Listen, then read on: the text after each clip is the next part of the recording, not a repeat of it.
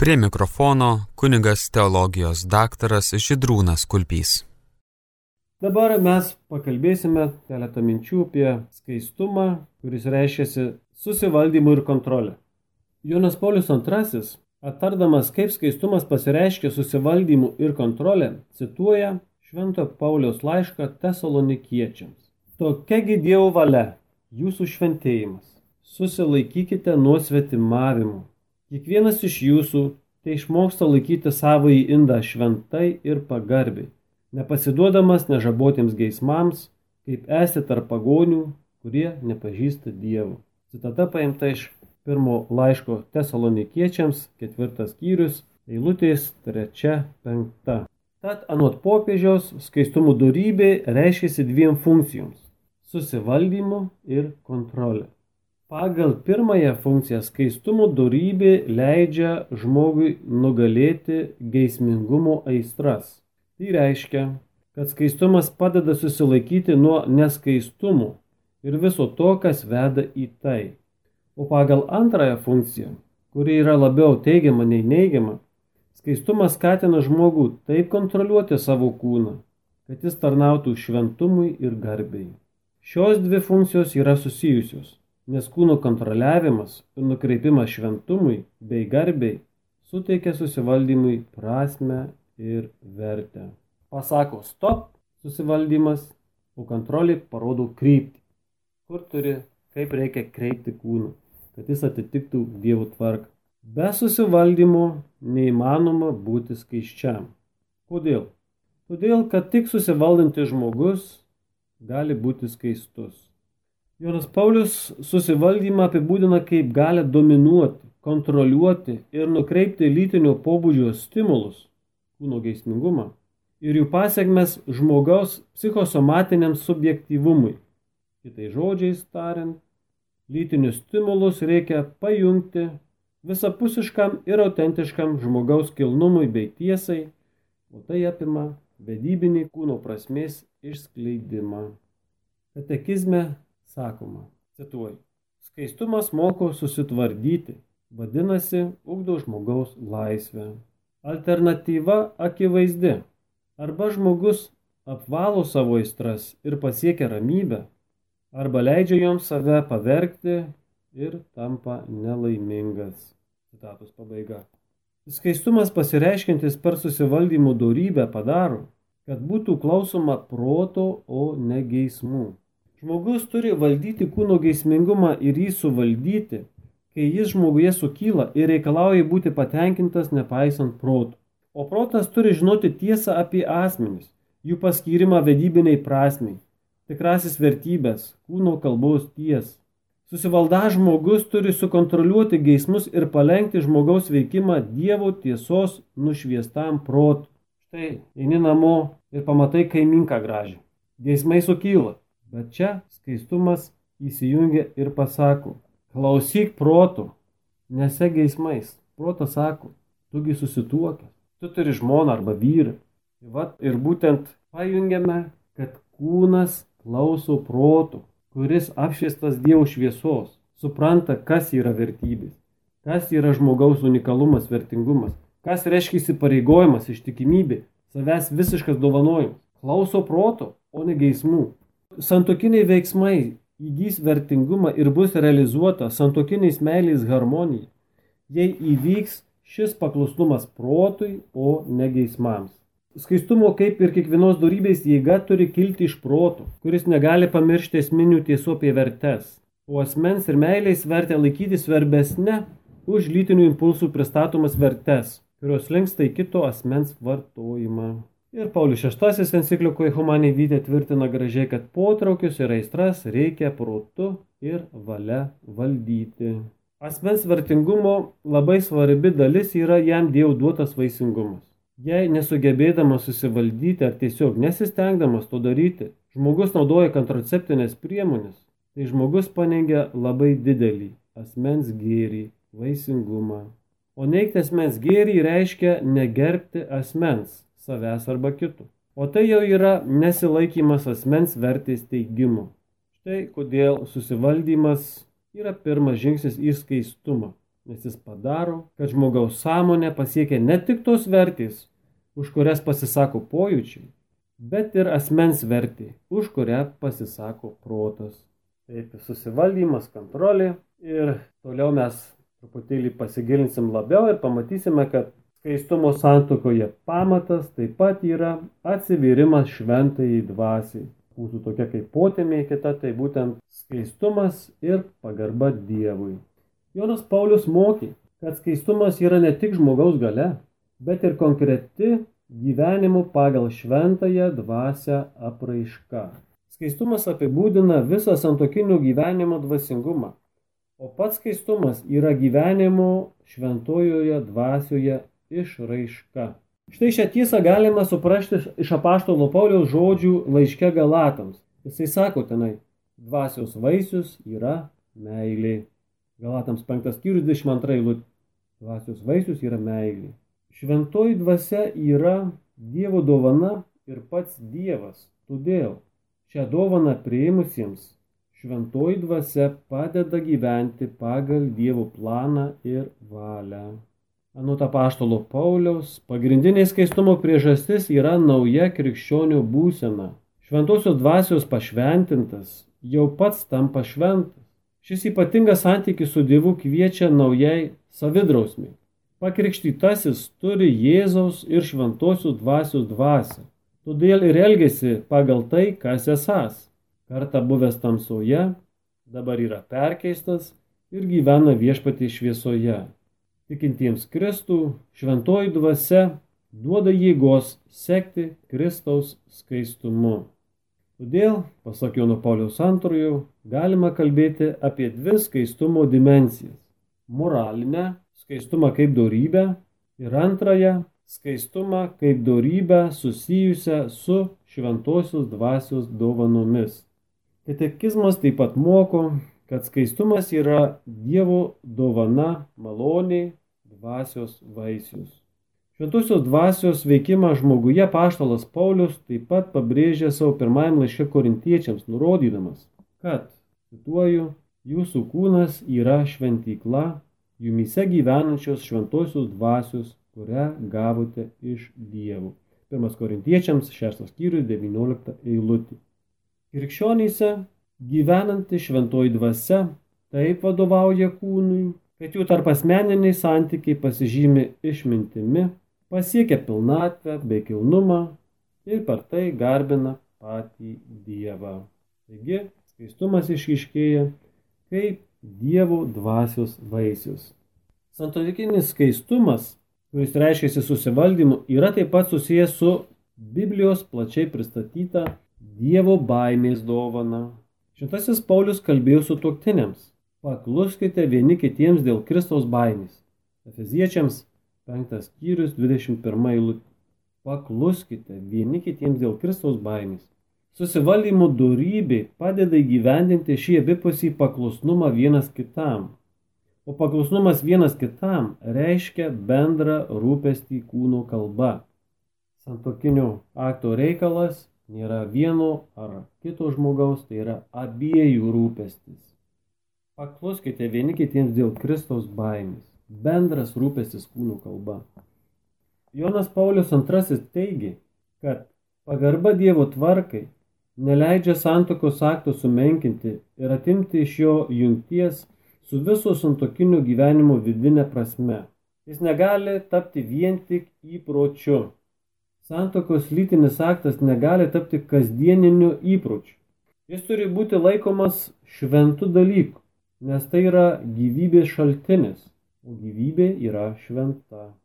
Lytinis intimumas yra šventas dalykas, todėl nusipelno mūsų pagarbos panašiai kaip religinės pagarbos objektas.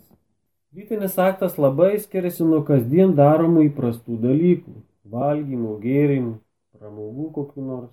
Kiekvienas lytinis aktas, suvokiame mes tai ar ne, turi tam tikrą poveikį kuris reiškia daug daugiau nei fizinį kontaktą. Jis stipriai ir visapusiškai paveikia mūsų sielą.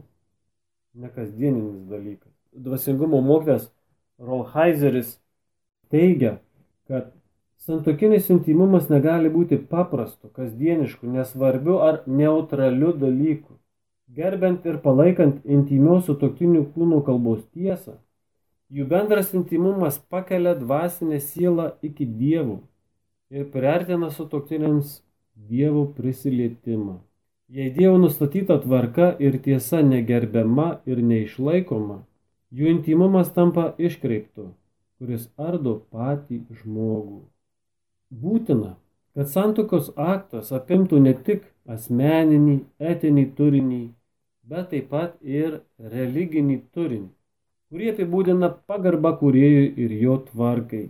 Nes tik Dievas yra visokios gyvybės ir autentiškos santokinės meilės šaltinis, tas religinis turinys. Būtent kaip Dievas sukūrė žmogų ir tą tvarką reikia priimti. Pagarba Dievui yra būtina sąlyga, dėl kurios sutuoktinių tarpusavio santykiai tampa artimų meilę. Sutuoktiniai turi suvokti, kad jų meilėje dalyvauja dievų meilė. Dėl to jo, jų lytinis atsidavimas tampa neatsiejamas nuo pagarbos dievui ir jo meilės planui, nuo ištikimybės, sažiningumo ir atvirumo gyvybei. Tokiomis sąlygomis jų atsidavimas gali būti artimų meilės išraiška. Kiek dalykų šią sritį. Taigi toliau dar keletą minčių, būtent kaip skaistumas siejasi su asmenų bendrystė. Kalbant apie susivaldymo darybės gėrį, negalima jų suprasti vien tik kaip priemonės prieš geismingumą. Jo vertė tuo neapsiriboja. Ši darybė glaudžiai susijusi su kitomis darybėmis ypač su meile. Vėl ir vėl tą pabrėžiame. Aklas susivaldymas neatneša galutinės pergalės prieš geismingumą. Labai svarbu suvokti, kodėl būtina tam tikrus vidinius impulsus suvaldyti. Ir pats svarbiausias susivaldymo motyvas yra meilė. Susivaldymo tikslas yra meilės realizavimas asmenų pasaulyje, pirmiausia su kitos lyties asmeniu. O tai ypač aktualu santokiniuose santykiuose. Šį skaistumų įgalinimą meiliai svarbu suvokti, nes tik meilė iš tiesų vienyje žmonės. Nu, mes kalbam apie asmenų bendrystę. Meiliai sugeba tą padaryti. Autentiškai tikrai vienyti asmenys. Būtent kas meta iššūkį meiliai, tai yra labai pavojinga, nes ir kitas svarbus aspektas nepasiekiamas - asmenų vienybei. Negera žmogui būti vienam, jis paskirtas asmenų bendrystei, o tą kuria tik tai autentiška meilė. Jeigu žmonės bandytų kurti asmenų bendrystę vedami geismingumu, jiems to padaryti nepavyktų, nes tokia bendrystė nespendėtų visų savo galimybių ir tikrosios tiesos. Visą vertę vyro ir moters asmenų bendrystę plėtoja susivaldymo darybė palaipsniui atskleisdama ir padėdama įgyvendinti vedybinę kūno prasme. Kūno geismingumo vedamas bendravimas nesuvienė vyrų ir moters kaip asmenų. Toks bendravimas neturi asmenų vienimų vertės, nes tai nėra meilė. Tik meilė kaip laisva savęs dovana iš tiesų jungia du asmenis į jų bendrystę. Nu, matau, vienas klausimas, tai dabar ir staptelkim pažiūrėti, kuo skiriasi aistros nuo geismų. Galima būtų sakyti, kad tai yra sinonimas. Sinonimai, čia tas pats dalykas. Aistros ir geismai. Toliau turime klausimą. Įsivaizduokime situaciją, kai du asmenys sudaro santoką. Jie nori gyventi skaičiai, todėl net ir būdami santoką jie neturi lytinių santykių. Ar tokia santoka yra realizuojama? Juk santokai svarbus tas prokreacinis aspektas, arba atvirkščiai galbūt tokia santoka bus dvasingesnė. Nežinokit, jeigu žmonės tuokėsi, tai jau turime omenyje, kad bus kūniškas lytinis bendravimas. Tai toks yra tikslas ir, ir čia viskas yra labai gerai, o jeigu taip nebūtų, tai matot, toks yra teisinis terminas santokos pavartojimas. Jeigu žmogus, vyras ir moteris susitokia bažnyčioje, jau sudaroma santoka, bet jinai turi būti, kad nu, ta pilnatvė būtų to santokos sakramento, turi būti pavartota, taip sakyti, lytinis aktas atliktas santokinis. Nes jeigu, jeigu to nebūtų, tai nebūtų išbaigtas, išbaigta santoka. Na pavyzdžiui, jeigu susituokė prie altoriaus vyras ir moteris ir staiga žaibiškas karas, vyrą nuo altoriaus iš karto prie šautuvo ir tada reiškia, nebuvo santokinės nakties nei vienos, santoka nepanaudota, ir netgi tokia santoka išardoma. Tai va, yra reikalingas tas dalykas, nėra dvasingesnės santokos kaip tokios. Yra santoka paskirta, va, kad gražiai žmonės vienytųsi, kūnišką ryšį turėtų ir iš to gražaus kūniško ryšių gimtų nauja gyvybė. Nauji dangaus karalystės piliečiai. Tai yra labai nuostabus dalykas. Paaiškinkite plačiau, kaip Dievas dalyvauja būtent santokinių gyvenime. Santokinių gyvenime. Tai yra atspindys meilės. Dievas yra mumyse, kiekvieno žmogaus širdyje. Ir būtent mes atnešame tą Dievo buvimą į tarpusavio santykius, į santoką. Ir mes, kaip čia jau ir buvo pasakyta, mes tampame Dievo prisilietimu vienas kitą, mes prašome Dievę, padėk man mylėti vienas kitą tavo meilę. Ir tikrai Dievas tą daro būtent per santokus tą sakramentą mes kalbėjom, tai yra, tai yra malonė. Dievas tau duoda, kad tu tikrai mylėtum vienas kitą ne tik žmogišką meilę, bet ir dievišką, pilnai save aukojančią, tarnaujančią meilę. Mes tampame tas kanalas, kur kaip per mus Dievas myli kitą žmogų. Jis realiai yra tame ryšyje. Kur du ar trys mano vardu ten ir aš, sakykime, net ta citata yra viešpatės Jėzus. Tai vad, kur du krikščionys sudaro bendrystę asmenų. Kristus yra realiai tenai, jeigu neištumėm per nuodėmę. Ir Kristus myli per mus. Ir mes atsiduodame Kristui. Iš tikrųjų, mes dėkojame Dievui už sutoktinį. Mes suprantame, kad tai yra Dievo dovana. Mes dėkojame Dievui už tą žmogų paskirtą mums. Mylime, priimame tą meilę. Tai būtent tuo pačiu veikiame, būtent kartu. Mylime ir Dievą, ir kitą sutoktinį. Leidžiame Dievui veikti per mus, tampame Dievo prisilietimu vienas kitam. Realiai, įnešam viešpatį į savo širdis ir tą mes perdodame, viešpats veikia per mus toje bendrystėje. Na, komuniją priimam, tai jau paimkime kaip pavyzdį. Primame komuniją, grįžtame į šeimos gyvenimą, Kristus įneštas į mūsų realybę, į tą vienybę, į tą šeimą. Ne? Ir Kristus veikia per mus. Saugo, padeda, laimina ir taip toliau. Masturbacija irgi kaip neištikimybė, pasidavimas geismui. Taip ir yra. Tai yra, kad Dievas sukūrė lytiškumą žmogaus su tam tikra prasme, tiesa ir masturbacija tai yra pažeidimas tos tvarkos. Ne, tai yra skirta vienyti asmenis, o nereiškia tenkinti geismus. Mes turime suprasti, skaistumas mūsų sako, kad mes turime klausyti protų, žinome, pažįstame tą tiesą, kas tai yra kad tie dalykai yra skirti kilnesniems tikslams, o ne tik tai save tenkinti. Tai yra skirta vienas kitam dovanoti, meilę, atsidavimą išreikšti kitam asmeniui, negoistiškai save tenkinti. Jeigu gydytojas išrašo kontraceptikus moteriai gydymo tikslais, ar tikinčiai moteriai reikėtų juos naudoti? Jeigu gydymo tikslais Taip sako, kad tos kontraceptikai buvo pirmiausiai ir atrasti kaip, kaip gydimo priemonės, o ne ten sureguliuoti ciklą turbūt ar kaip tenai ir taip toliau.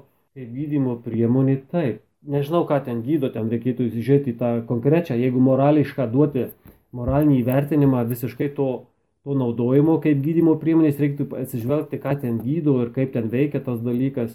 Ir jeigu tai nebūtų specialiai Jeigu tu specialiai išmastai protu, reiškia, aš dabar padarysiu, vat, tas priemonės priimsiu, kad specialiai nebūtų, reiškia, atvirumo naujai gyvybei, būtų nuodėminga.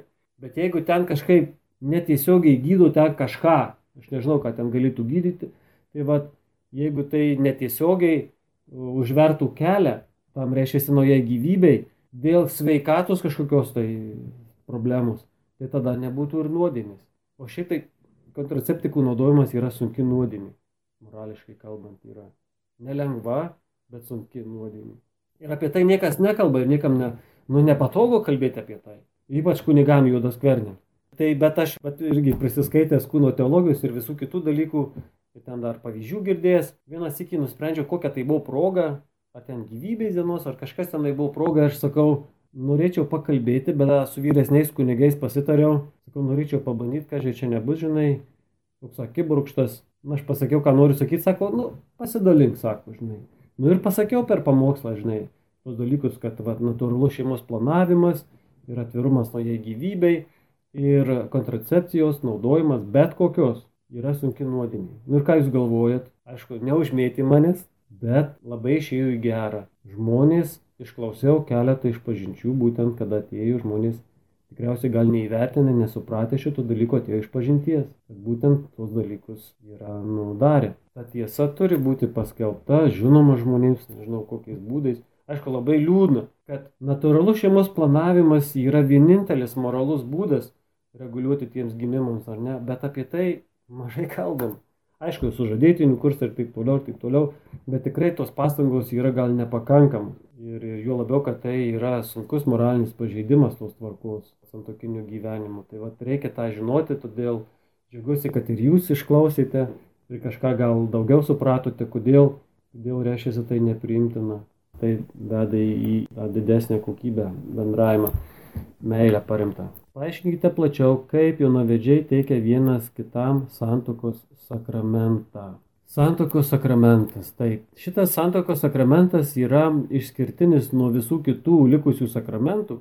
Visi kiti yra Kristaus įsteigti. Šitas santokos sakramentas nėra Kristaus įsteigtas, jisai buvo nuo Domų ir Jėvos, tai vad nuo žmonijos sukūrimo, bet Kristus jį pašventino.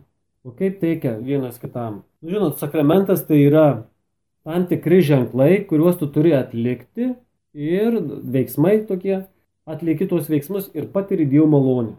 Pavyzdžiui, va, Krikšto sakramentas yra vandens užpylimas ir trinitarinį formulį tariama reiškia. Per išpažinti mes išpažįstame nuodėmės, kunigas sukalba iširšimą, gauname malonių.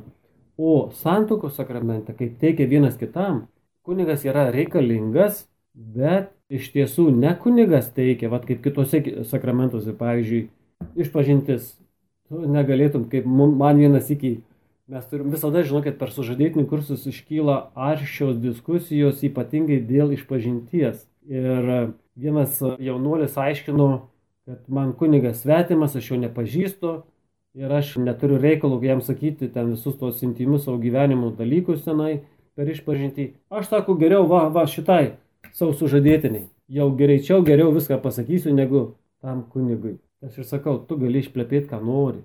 Visus savo nuodėmės pasakyti. Nu ir ką tu darys, ką ta mergaitė darys su tavo nuodėmė. Reikia atleidimo, reikia išrišimų. O šitą dalyką tik kunigas gali duoti. Tu pasiplepėti gali su kuo nori. Tai, kad reiškia, kunigas yra reikalingas sakramentinė malonė iš pažinties atleidimo gauti. O štai čia, santokos sakramentai. Tai kunigas yra, kaip sakyti, kaip kvalifikuotas liudytojas teisiškai kalbant jisai laimina, jisai priima tą jų vienas kitam teikiamą santokos sakramentą. Bet, pavyzdžiui, jeigu kunigų nebūtų Sibirė, kaip būdavo komunistai ištrėmė mūsų tautiečius, jie prie kryžiaus nueina vienas kitam prisiekia ir santoka galiuojanti be kunigų. Nes jie vienas kitam teikia santokos sakramentą. Tai reiškia, kas teikia, tai yra santokos priesaika. Save padovanoji, tie žodžiai, kuriuos sako santokos priesaikui, yra savęs dovana, kurią tu atiduodi savo sutoktiniui, vyras moteriai. Moteris priima tą dovaną ir taip pat save padovanoja e, su tuoktiniui. Irgi sako priesaiko žodžius. Jie save valingai padovanoja ir tarp jų užsimesga santokinis ryšys. Vienas kitam jie tą teikia priesaikos būdu. Prašau pakomentuokite plačiau, kontraceptikų naudojimas yra sunki nuodėmė, ar tik moteriai, ar abiejiems pusėms. Vėl, kai mes kalbėjome, kad būtent apaštalas Paulius sako ir Jonas Paulius cituoja kad būtent pakluskite vieni kitiems dėl Kristaus baimės. Tai reiškia, kad abiems, tai yra rūpestis abiejų. Santokinis lytinis aktas tai yra abiejų atsakomybė ir rūpestis. Jeigu, kaip sakyti, vienas žmogus kažkaip taip slapčia tą darytų, ar nesakykime, ar hormoninės piliulės naudotų, ar dar ten ką nors, tai jo atsakomybė. Jeigu žmogus žino ir sutinka, antra pusė, žino, sutinka ir pritarė tam dalykui, tai ir jisai kaltas va šitos dalykas. Eina kalba apie tai, kad turi sutoktiniai. Tikrai iš pagarbos vienas kitam ir Dievo tvark. Išsiaiškite. Žudbūt negali čia būti kažkokio tai vieno dalykas. Tai yra bendras dalykas susitarti, išsiaiškyti, susikalbėti, kaip tas dalykas dalykas. koks tenai ciklo tenai situacija, ar dabar galima, ar negalima, norint išlaikyti tą atvirumą. Atvirumą reiškia tam gyvybei. Turi būti bendras kalbėjimasis, bendras aiškimasis ir, ir sutarimas. Nes čia yra du žmonės sudaro santoką, du veikia, du sprendimus priima ir dėl lytinių reikalų. Tai va tai, bet aišku, jeigu kas slapta darytų, tai tam žmogui yra kaltė, bet kitas žmogus turėtų irgi pasidomėti vis tiek. Katalikas, krikščionis turi žiūrėti, žinai, ne, nenurašyti viską kitam užmesti, bet jisai turi ir daryti sprendimą taip pat pats. Taip, šitą, šitą kūno teologiją iš tikrųjų parodo, kaip, kaip nuostabiai viskas šitą įprasminama Iš tikrųjų, kaip gaila, kad daugybė žmonių net nesusimastų, net ir katalikų šeimų, ar ne? Nu, kaip tą padaryti, kad ta žinia labiau išplistų, ne kad žmonės siektų, norėtų to. Tos tikrusios savertys meilės, tame intimėme bendravime. Aišku, tai nepalanku, labai viskas užakcentuota jausmai, technikos, dar kas nors ir ta kokybė. Ta tikra meilė dažnai yra prasilenkia. Tie du dalykai - asmenys vienyje ir atvirumas gyvybei. O kaip su nevaisingomis poromis, sakykime, viskas tvarkoj. Jų jų lytinis aktas, net jeigu ir yra nevaisingas, netgi ir žinoma, kad jis yra nevaisingas, išreiškia meilę, nuoširdžią meilę vienas kitam. Todėl, kad jie nieko nedaro, nieko, jokių samoningų nedaro kliučių, kad padaryti aktą nevaisingu. Jeigu taip atsitiko, kad jie ne, negali turėti vaikų, kažkas su vaisingumas sutrikdytas, tai nieks nieko nepažeidžia, tiesiog tai yra irgi meilės išraiška ir, ir jie išlaiko tą atvirumą gyvybei, nes nieko nedaro priešingai. Išjungti šitą elementą iš lytinio akto tiesos. Tai kaip galima būtų, jeigu pasikartojant skaistumas, jeigu kalbant, o neskaistumas, skaistumas, tai yra, jeigu ten dar kuo nors pasidalinti, kad skaistumas yra labai didelį vertybė santokinėme gyvenime, būtent apibriežti tą skaistumą, tai yra gebėjimas valdyti savo geismus, bent tikrai mylėtum kitą. Tiesiai šviesti ir labai trumpai. Mūsų gebėjimas, mūsų gebėjimas, kurį mums duoda Dievas, yra moraliniai darybė. Tai yra didelis siekinys, tai yra, tu turi dirbti. Jis neteina iš karto, niekaip ne iš dangaus nukrinta. Kadangi tai yra darybė, tai yra įprotis, įprotis, įtvirtintas įprotis tampa dorybė. Pradžioj sunkiau, lengviau, bet tu turi dirbti, dirbti su Dievo pagalba, su Dievo malonė ir galiausiai pasiekti ne, ne vienkartinį, kaip sakoma, tą pergalę, susivaldymą, bet kad tai būtų išdirbta sistema dorybė, pastovumu pasižyminti. Laisvė irgi, matom, laisvė, skaistumas pasitarnauja laisvėjai. Mes nesame tik tai kaip tie gyvuliai, kurie seka kaip sakyti, geismus. Mes susivaldome, nes esame laisvi žmonės. Ne, nevergaujam. Ir jeigu, ir jeigu žmogus iš tikrųjų kovoti reikia būtinai, kova yra būtina. Jeigu žmogus nesusivaldo, seka geismais, tai yra žiaurus dalykas. Žiaurus dalykas. Ir tai yra tikrai didžiulė kova. Didžiulė kova. Geismai yra žiaurus dalykas, stiprus dalykas ir tenai prisiklausai per išpažintis, kiek vargų yra visokiausių dalykų. Tai vienintelis yra kelias - tvirtai stoti į kovą. Dieve, nu, kaip kalbėjom, kad tai yra šventosios dvasios irgi dovana, tai mes turim prašyti į šventąją dvasę. Dieve, teik į pagalbą.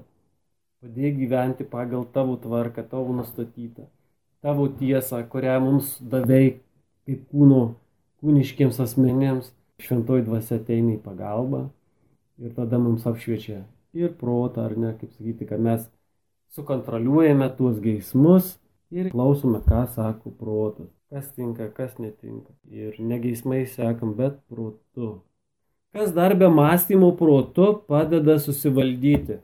Nu, brangiai, žinot, reikėtų pasakyti, kad viskas yra Dievo dovana. Mūsų pasangos yra būtinos, reikalingos Bet jeigu Dievas nepateps tų pastangų, tai žinokit, nieko neišeis. Dievo malonį. Mes turime nuolankiai prašyti Dievą padėk, Dievą padėk. O jo malonė ateina ir mums protą apšviečia, ir sielos jėga sustiprina, kad mes galėtume pasirinkti, ką turime pasirinkti. Dievo malonė. Aišku, ir pastinkas, žiūrėkit dabar, sako, kad susivaldymas tose lytiniuose dalykuose labai susijęs su valgiu. Jeigu tu negali susilaikyti nuo, kaip sakydo tėvas Stanislavas, nuo rūkytos vištienos, negalėsi atsilaikyti, kai geismai užklops. Va tas pats valdymas, ne, ir šiandien per tas liturgijos maldas, kai mes grįžim, reiškia, kad pasninkų pradėti tą susivaldymą galėtume, pasninkų viena iš tų tarnavimų, nu, pasitarnavimų, tai yra mes pasakome valgiui, valgiui ne, ugdome savo tą valią, kad atėjus kovai mes galėtume pasakyti ne nuodėmį, susivaldyti nuodėmį. Dabar taip kukliai nekaltai susivaldom nuo maisto, kad galėtume ištikus kovai sustiprintą valią pasakyti ne nuodėmį. Pasniko praktikos visokie apsimarinimai irgi prisideda prie tvirtumo valius ugdymo. Gal prisimenate terminus kitomis kalbomis. Lyg esu girdėjusi desire ir lust angliškai, kur lust buvo blogas, turbūt geismus, o desire geras. Tai kaip lietuviškai atskirtume, lust jo yra aistra, lust yra tas angliškai. Desire, truškimas, tai yra toks teigiamas, tas neigiamas yra lust. Concupiscence yra angliškai irgi geismai, irgi pagal tą lutinišką. Last, jo naudojimas irgi šitoj knygoj, būtent Jono Paulius katechezėse iš, iš italų kalbos išverstose į anglų, tai yra naudojamas irgi žodis last. Oi, kokie jūs drąsų šaunuoliai, kiek klausimų eina. Va, ir, ir visokio pobūdžio, tai labai jums ačiū už, už jūsų aktyvų dalyvavimą. Padėkokime Dievui gerai, trumpą pagarbinkim viešpatį. Vardant Dievo tėvų ir sunaus ir šventosios dvasios. Amen. Garbė Dievui tėvui ir sūnai ir šventai dvasiai, kai buvo pradžioje, dabar ir visada ir per amžius. Amen. Mėly Marijos radio klausytojai, prie mikrofono su jumis savo mintimis dalinosi Liudvinavo Šventojo Liudviko parapijos klebonas, kuningas teologijos daktaras Židrūnas Kulpys. Įrašas iš konferencijos Kūno teologijos tema ciklo. Tesinio kviečiame klausytis kitą savaitę tuo pačiu metu. Likite su Marijos radiju.